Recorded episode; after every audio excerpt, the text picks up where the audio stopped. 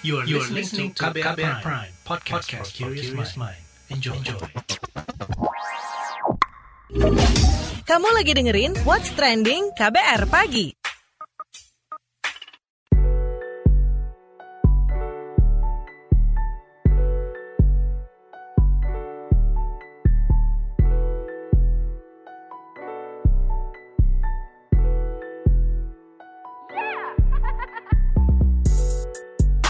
KBR Pagi, siaran pagi radio paling update. Selamat pagi, apa kabar Anda hari ini di hari Senin 15 November 2021? Ketemu lagi dengan saya Don Brady di What's Trending KBR Pagi pastinya. Bagaimana daya tarik sirkuit Mandalika yang baru diresmikan? Itu yang akan kita obrolin pagi ini. Jadi Presiden Joko Widodo itu optimis keberadaan sirkuit Mandalika akan memunculkan pertumbuhan ekonomi baru di Lombok, Nusa Tenggara Barat. Keyakinan itu disampaikan Jokowi usai meresmikan sirkuit Mandalika yang terletak di kawasan ekonomi khusus atau KEK Mandalika di Kabupaten Lombok Tengah NTB kemarin Jumat. Kendati demikian, Jokowi belum memastikan peralatan mana yang lebih menjanjikan untuk menyumbang perekonomian daerah tersebut. Dalam waktu dekat, sirkuit yang menghabiskan biaya pembangunan hingga 1,1 triliun rupiah itu bakal menggelar seri penutup World Superbike 2021 pada 19 hingga 21 November 2021. Kemudian dilanjutkan dengan perhelatan MotoGP di Maret 2022. Kepala negara juga mengajak masyarakat hadir di KEK Mandalika menyaksikan perhelatan yang digelar di sirkuit Mandalika dengan tetap menjalankan protokol kesehatan lantaran masih dalam suasana pandemi COVID-19. Kata dia, Satgas juga telah diperintahkan untuk mendampingi tata kelola event besar itu. Nah, kita bakal bahas lebih lanjut soal ini, tapi kita simak dulu opini netizen plus 62 berikut ini. Thank you. Pertama ke akun at Gede Suardana Terima kasih Pak Jokowi sebagai warga Lombok Saya bangga dengan adanya sirkuit ini. Gak pernah kebayang sebelumnya dengan adanya sirkuit Pasti dampak ekonomi kita khususnya Lombok akan jadi lebih baik lagi. Ke akun at Amuzeleon. Amin. Kalau akun at Win underscore Winchester Jadi volunteer buat GP di Mandalika Harus pakai orang dalam gak ya? Hmm Akun at Shining Future. 2022 mau ke Mandalika. Akun at Nurul Khairuni. Semoga perekonomian Indonesia jadi meningkat. Nah kalau akun at Joko Lip Service Sintang tuh pak at Jokowi masih banjir udah seminggu. Yang seneng-seneng aja sih yang diurusin Yang sedang dalam keadaan kesulitan dicuekin. Selamat pak udah peresmian area MotoGP. Lahan rakyat masih ada yang belum dibayar tuh pak ke akun at orakyat 4 Coba tuh at KPK underscore RI usut kemelut pembebasan tanah untuk sirkuit Mandalika. Kasian tuh rakyat yang tanahnya kena gusur tapi belum dapat ganti rugi dan tempat tinggal yang layak. Nah yang terakhir akun at my analysis T4 Saya dukung yang Mandalika tapi saya juga dukung yang Formula E Karena keduanya bisa memicu kedatangan turis. Dengan catatan pandemi sudah terkendali. What's trending KBR pagi? Kita lanjutkan obrolan kita pagi ini. Presiden Joko Widodo optimis keberadaan sirkuit Mandalika akan memunculkan pertumbuhan ekonomi baru di Lombok, Nusa Tenggara Barat. Berikut pernyataan Presiden Jokowi usai peresmian sirkuit Mandalika. Ya saya kira banyak tikungan yang tajam-tajam sekali. Di sini kan ada 17 titik tikungan yang saya kira semuanya sulit lah untuk untuk saya. Kalau untuk pembalap mungkin nggak ada masalah untuk saya sangat sulit. Yang pertama kita ingin mengajak untuk hadir di Mandalika khususnya di event-event di sirkuit Mandalika tetapi tetap sekali lagi protokol kesehatan ketat. Dan saya sudah memerintahkan untuk juga didampingi oleh Satgas sehingga tata kelola setiap event itu terus dijaga protokol kesehatannya. Ya kita harapkan muncul titik pertumbuhan ekonomi baru di NTB. Saya kira ini sebuah perhelatan besar yang setiap tahun terus akan diadakan di sirkuit Mandalika dan itu dipastikan akan memberikan dampak pertumbuhan ekonomi di provinsi NTB. Ya saya kira ini dicoba dulu lah. World Superbike dicoba, nanti MotoGP dilaksanakan, kita evaluasi, baru kita akan ke arah mana akan kelihatan nanti. Lantas, seberapa besar pengaruhnya sirkuit baru itu terhadap pertumbuhan ekonomi? Kita obrolkan bareng Direktur Research Center of Reform on Economics, Peter Abdullah. Pak Peter, apakah sama seperti Presiden Jokowi, optimiskah Anda hadirnya sirkuit Mandalika dongkrak perekonomian? Kalau dalam jangka pendek ya enggak ya. Dalam jangka pendek ya kegiatan itu tidak akan serta-merta langsung menyebabkan menjadikan daerah tersebut menjadi pusat pertumbuhan ekonomi baru dalam jangka pendek. Tetapi dalam jangka pendek ini dia akan membantu proses pemulihan ekonomi, ya, proses pemulihan aktivitas sosial ekonomi di sana, sekaligus juga pemulihan ekonominya. Karena dengan adanya kegiatan-kegiatan ini, ya otomatis kan banyak orang ke sana, sehingga aktivitas ya pariwisata di Lombok mau tidak mau akan naik tetapi dia akan belum akan kembali seperti sebelum pandemi karena masih akan terbatasi oleh pandemi. Nah, yang mungkin yang bisa kita lebih tuju yang dimaksudkan oleh pemerintah juga saya saya kira adalah lebih ke perspektif jangka menengah panjangnya. Dengan adanya Mandalika, ini kan sebenarnya Mandalika ini dijadikan sebagai tujuan destinasi wisata baru dan membangun itu tidak mungkin dalam waktu pendek, pasti dalam jangka panjang. Animo masyarakat, ya, memunculkan, kalau masyarakat Indonesia mungkin mudah kita bangkitkan. Tetapi yang ditujukan lebih ke wisatawan mancanegara. Lantas, seberapa besar pengaruhnya sirkuit baru itu terhadap pertumbuhan ekonomi? Kita obrolkan bareng Direktur Research Center of Reform on Economics, Peter Abdullah.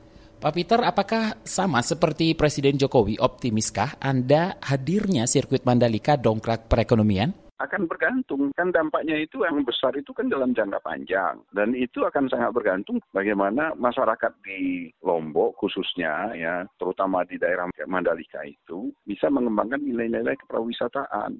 Misalnya ya datang sana rampok datang maling datang ya percuma kita membangunnya. Jadi kalau kita datang ke sana kemudian tidak membangun nilai-nilai sebagai tuan rumah yang baik kita percuma ya. Jadi kita kita perlu itu ya, setelah Mandalika ini dibangun ya hotel-hotelnya harus dibangun ya. Kemudian SDM pariwisatanya harus dibangun ya. Itu yang kita masih belum kan di Lombok masih ada sering ada konflik macam-macam yang selama ini menjadi hambatan membangun pariwisata di Lombok. Lombok itu kan udah dibangun sebagai destinasi wisata itu kan udah lama. Kenapa tidak berhasil? Karena keamanan dia tidak seperti Bali. Ya, Bali itu benar-benar orang udah nyaman datang di Bali itu mereka aman, nyaman. Ya. Nah, Lombok belum terasa seperti itu. Dengan adanya Mandalika ini, itu seharusnya memunculkan lagi upaya membangun bagaimana kita membangun wisata kota yang nyaman, aman itu. Karena sampai saat ini itu hanya Bali ya, yang selain memang memiliki destinasi, memiliki atraksi, tetapi juga didukung oleh nilai-nilai ya kepariwisataan masyarakat setempat. Masyarakat setempat itu sudah benar-benar bisa menerima ya atau bisa hidup dari pariwisata. Mereka benar-benar memahami apa yang harus mereka lakukan di dalam melayani, ya, menerima para wisatawan. Nah, kalau di daerah-daerah lain itu tempatnya bagus, ya, tapi tidak ada masyarakat yang benar-benar melayani mereka sebagai tamu yang baik. Mereka tamu dilayani dengan baik. Itu tidak banyak daerah-daerah yang bisa seperti itu. Apakah dengan adanya dua ajang internasional ini bisa menarik wisatawan untuk berwisata ke tempat wisata lainnya? Tidak hanya ke Mandalika saja? Jadi pariwisata itu ya akan memunculkan berbagai ya yang terkait dengan supply chain-nya dia. Dia akan memunculkan industri UMKM yang mensupport oleh-oleh. Ya, ini kan industri, industri handicraft, ya, industri makanan minuman. Ya. Yang dimaksud dengan industri pariwisata itu kan banyak, mulai dari hotel, perdagangan, kemudian industri manufaktur juga uh, akan terdorong, ya. walaupun dalam sakupan yang uh, sangat ditentukan oleh uh, keberhasilan di dalam membangun pariwisata itu sendiri. Ya. Jadi kalau kita berhasil membangun pariwisatanya dengan adanya Mandalika, ya, maka yang akan uh, turunan-turunannya akan akan banyak. Ya mulai dari hotel, restoran, industri kerajinan untuk oleh-oleh, ya, souvenir, itu banyak yang akan muncul. Jasa travel, ya, itu akan banyak. Jadi pariwisata itu sendiri itu luas. Nah inilah yang kita harapkan. Ya. Nah, tentunya dengan industri pariwisata yang tumbuh berkembang, ya, dia akan menjadi pasar bagi industri lainnya. Jadi forward, backward linkage itu harus dipertimbangkan. Jadi kalau kita ngomongin pariwisata, di dalam pariwisatanya itu sendiri cakupannya luas. Dan yang kedua adalah kita harus melihat backward and forward linkage-nya. Dengan adanya pariwisata, yang banyak orang bekerja di pariwisata, daya beli pariwisata itu meningkat, dan daya beli yang meningkat itu akan mendorong tumbuhnya industri-industri lain yang di luar pariwisata. Terima kasih Direktur Research Center of Reform on Economics, Peter Abdullah. What's trending KBR pagi? Newsbeat.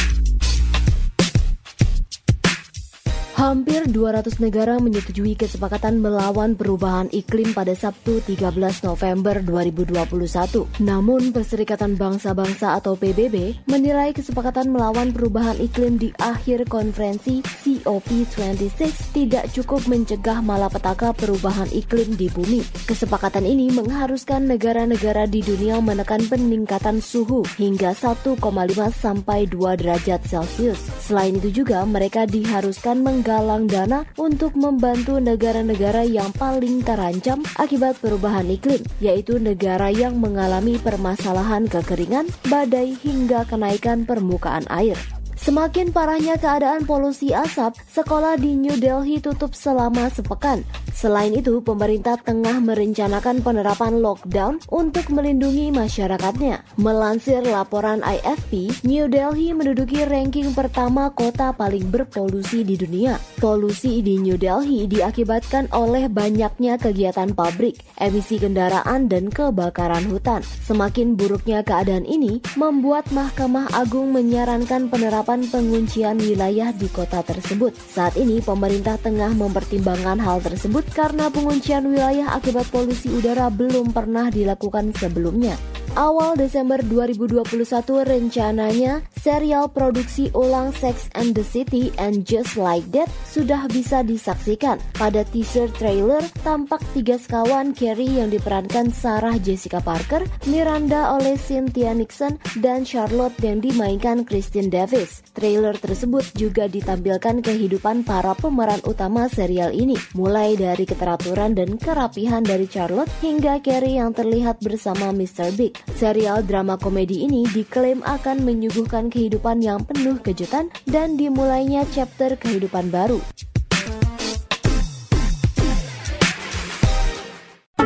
What's trending KBR pagi? Masih bersama saya Don Brady di What's Trending KBR Pagi. Bagaimana daya tarik sirkuit Mandalika yang baru diresmikan? Itu yang kita obrolin pagi ini.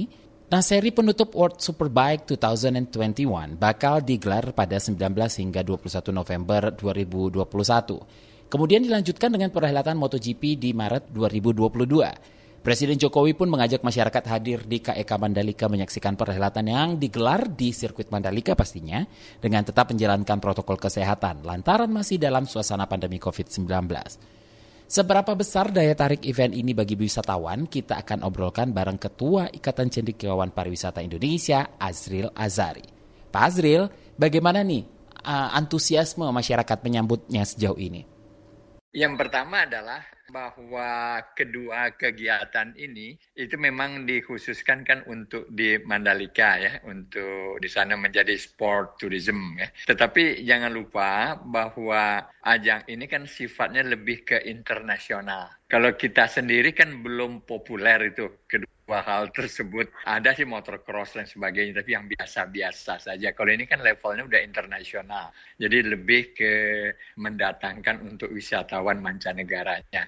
Kalau itu sih tidak ada masalah ya bisa-bisa aja. Tapi kalau untuk pariwisata atau wisata khusus da Wisnus nah ini agak lebih lama karena kita sendiri kan tidak ke sana gitu ya. Tetapi kalau saya melihat ini lebih menarik untuk Wisman bukan untuk Wisnus. Kalau untuk Wisnus ya sebagai menonton saja, jadinya hanya mau ikut sih boleh paling-paling satu dua lah orang-orang yang bereputasi internasional kita untuk memajukan hal tersebut sih oke, okay. tapi kalau untuk memajukan wisata sport yang sifatnya nasional, nah itu masih jauh kita masih belum sampai ke sana. Tapi bakal banyak menarik wisatawan menurut perkiraan Anda? Ya, menjadi tanda tanya kita karena mereka mau datang juga kan terkait dengan karantina kan. Ya kan di karantina kita masih kita berlakukan tiga hari dan banyak industri meminta ini mau dihilangkan. Bagi saya kalau itu dihilangkan ini jadi masalah besar bagi kita akan meledaknya nanti COVID-19 kita. Nah ini ya, makanya dilema, ini ada dilema yang saling berkontradiksi, ya ber, berlawanan. Apakah kalau seandainya karantina dihapuskan mungkin akan banyak yang datang. Kenapa? Karena tiga hari dengan kalau dia datang kemari tujuh hari dipotong tiga hari, jadi dengan empat hari kan hanya di sini kan pendek sekali jadinya. Nah, itu juga jadi pertimbangan oleh wisatawan asing terhadap karantina kita. Tapi kalau kita melonggarkan karantina kita di nol kan, wah ini jadi masalah meledaknya negara kita terhadap COVID-19 ini. Apakah dengan adanya dua ajang internasional ini bisa menarik wisatawan untuk berwisata ke tempat wisata lainnya? Tidak hanya ke Mandalika saja? Nah, ini yang jadi tanda tanya apakah bisa menjadi daya tarik untuk Indonesia sehingga itu hanya sebagai hub saja nanti akan mereka juga masuk ke yang lain ya. Kalau untuk Nusa Tenggara Barat ya karena banyak juga kegiatan destinasi, Nah, jadi yang harus dikembangkan itu adalah destinasi-destinasi yang mendukung tersebut. Nah, kalau itu digarap oleh pemerintah, nah itu akan lebih bagus gitu. Tapi kalau hanya Mandalika aja yang cukup luas dan juga biaya yang sangat besar, nah itu kan tidak akan menarik untuk yang di samping untuk international sport atau kualitas internasional, tapi mereka juga bisa berwisata juga dengan keindahan yang ada di atau daya tarik yang ada di Nusa Tenggara Barat. Sebenarnya banyak sih yang ada sekitar Nusa Tenggara Barat. Nah, itu yang harus digarap oleh pemerintah juga gitu. Artinya seperti desa wisata, ya, desa wisata kan lagi dikembangkan sekarang oleh Kementerian Pariwisata secara besar-besaran dengan anugerah desa wisata dari 1831 desa wisata akhirnya mengkerucut menjadi 50. Nah, kalau yang ini juga dikembangkan bersamaan dengan yang Mandalika berada di sana itu bisa tetapi kelihatannya tidak seiring atau belum seiring. Nah, itu yang jadi masalah. Nah, sirkuit yang sudah diresmikan kemarin ada yang masih perlu dipersiapkan untuk makin menarik wisatawan? Sekarang ini kan paradigma pariwisata dunia kan sudah bergeser. Saya selalu berulang-ulang berteriak. Berteriak kenapa? Karena ini kita paradigma pariwisata itu sudah tidak seperti dulu lagi. Paradigma kita dulu itu sebelum tahun 80, 1980 itu adalah mass tourism. Nah, jadi yang seperti sport tourism itu akan laku. Tapi dengan paradigma kita sekarang sudah bergeser, sudah masuk kepada alternatif, kemudian sekarang ke quality tourism. Nah, ke quality tourism gara-gara kita ada pandemik itu sudah lebih fokus lagi kepada customized tourism. Jadi kepada special interest. Jadi dia lebih kepada customized, dia lebih kepada personalized, dia lebih kepada localized dan small size. Jadi small small size yang diinginkan oleh wisatawan luar negeri, tidak lagi yang besar-besar seperti sport tourism. Artinya kita harus mengembangkan juga bukan hanya yang mass tourism ini. Jadi yang customized tourism tadi atau yang special interest itu tolong dikembangkan juga gitu. Kalau enggak kita akan ketinggalan karena UNWTO saja jadi organisasi pariwisata dunia juga sudah mengingatkan bahwa kita itu sudah bergeser dan juga mengarah kepada kalau mereka nyebutnya sustainable tourism. Jadi wisata yang lebih kepada sustainable yang berarti berkelanjutan. Alam, lingkungan itu harus dijaga. Sedangkan kita gara-gara Mandalika itu kan sudah dikritik oleh UNWTO. Mungkin tahu ya. dikritik karena itu mass tourism yang banyak menghilangkan memindahkan rakyat-rakyat yang ada di sana gitu. Jadi bukan kepada masyarakatnya harusnya lebih kepada community based tourism. Sedangkan dunia itu lebih kepada community based tourism. Kalau kita mengembangkan pergeseran sekarang itu yang customized tadi itu arahnya lebih kepada sustainable tourism dan customized based tourism. Jadi berwisata berbasis kepada komunitas. Contoh sederhana saja misalnya ada resort the best resort in the world itu ada di Nihiwatu atau Nihi Sumba yang di Pulau Sumba. Nah, itu kan tidak mewah segala macam, tapi dia melibatkan masyarakat, tapi menjadi the best resort. Jadi resort yang terbaik di dunia. Nah, kenapa nggak kita belajar seperti demikian gitu? Terima kasih Ketua Ikatan Cendikiawan Pariwisata Indonesia, Azril Azari. What's Trending KBR Pagi. Commercial break. Ada kesedihan, air mata, dan trauma. Namun ada juga gelak tawa, bahagia, dan rasa bangga. Cerita kehidupan manusia adalah perjuangan dan pembelajaran. Pertanyaan di balik itu secara psikologi, apakah dia punya niat membunuh? Kan belum tentu. Saya kaget ketika ada konflik sesama orang Madura sendiri mengatasnamakan aliran keagamaan. Sejak itu, warga Syiah harus mengungsi sampai sekarang. Untuk kehidupan saya pada waktu itu aja nggak menentu kan. Boro-boro mikirin untuk perpustakaan gitu. Saga, cerita tentang nama, peristiwa, dan fakta. Liputan khas KBR ini telah memenangkan berbagai penghargaan nasional dan internasional. Anda sedang mendengarkan program Saga Produksi KBR. Simak di program Buletin Pagi pukul 6 waktu Indonesia Barat, Buletin Sore pukul 16 waktu Indonesia Barat, dan KBR Pagi pukul 7 waktu Indonesia Barat. Dengarkan Saga di radio jaringan KBR di Nusantara atau streaming di kbr.id. Saga juga hadir dalam bentuk podcast di kbrprime.id. KBR Inspiratif Terpercaya. What's Trending KBR Pagi.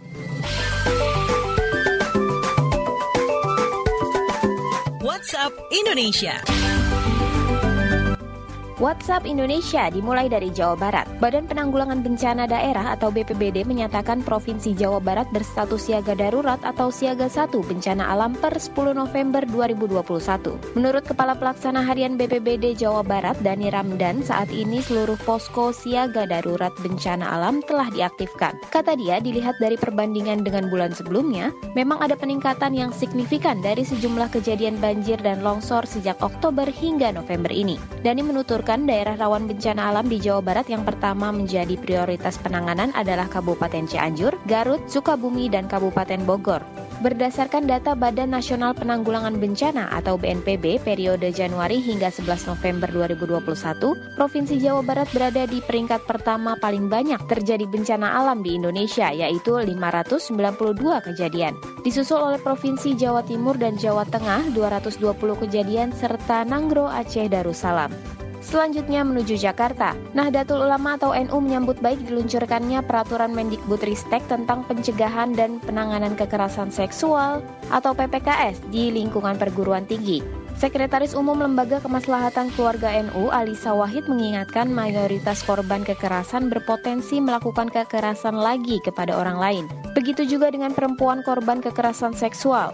Mereka juga berpotensi melakukan kekerasan juga bahkan kepada anak-anaknya sendiri. Kata dia, lingkaran setan kekerasan ini harus diputus dan itu diputus di tempat di mana kasus-kasus itu terjadi. Alisa Wahid selaku Sekretaris Umum Lembaga Kemaslahatan Keluarga NU yang juga putri sulung bekas Presiden Gus Dur menegaskan, Permendikbudristek tentang PPKS itu justru memberi perlindungan kepada para perempuan korban kekerasan seksual di lingkungan perguruan tinggi. Sementara itu, kemarin hasil Ijtima Majelis Ulama Indonesia atau MUI merekomendasikan agar Permendikbudristek tentang PPKS dicabut atau direvisi. Ketua Bidang Fatwa MUI Asroruni Amsoleh mempersoalkan kalimat tanpa persetujuan korban dalam peraturan PPKS. Kalimat itu dianggap bertentangan dengan syariat Pancasila, Undang-Undang Dasar 45, peraturan perundang-undangan lainnya, dan nilai-nilai budaya bangsa. Masih dari Jakarta, Kapolri Listio Sigit Prabowo berpesan agar seluruh Korps Brigade Mobil atau Brimob Polri dapat mengantisipasi munculnya potensi kerawanan saat penyelenggaraan event internasional di Indonesia. Event-event itu seperti balapan internasional Superbike di Mandalika, Nusa Tenggara Barat, pertandingan bulu tangkis internasional di Bali, hingga gelaran kegiatan konferensi tingkat tinggi atau KTT G20 di Bali 2022 mendatang. Hal itu disampaikan Kapolri saat menghadiri hari ulang tahun ke-76 Brimob di Makobrimob Kelapa II Depok, Jawa Barat kemarin. Kata dia, pengamanan terkait potensi kerawanan gangguan keamanan dan ketertiban masyarakat merupakan tantangan bagi Polri untuk bisa menghadapi dan mengantisipasinya. Menurutnya, kesuksesan penyelenggaraan berbagai gelaran event internasional akan menjadikan posisi Indonesia di mata global semakin baik. Di samping itu, kata dia, kesuksesan pengamanan juga harus diiringi dengan menjaga kasus COVID-19 tetap terkendali di tanah air. Demikian WhatsApp Indonesia hari ini. Demikian KBR pagi hari ini. Jika Anda tertinggal siaran ini, Anda kembali bisa menyimaknya di podcast What's Trending yang ada di Spotify, di kbrprime.id, dan di aplikasi mendengarkan podcast lainnya. Don Brady undur diri, besok kita ketemu lagi ya. Stay safe, bye-bye. Terima kasih ya sudah dengerin What's Trending KBR Pagi.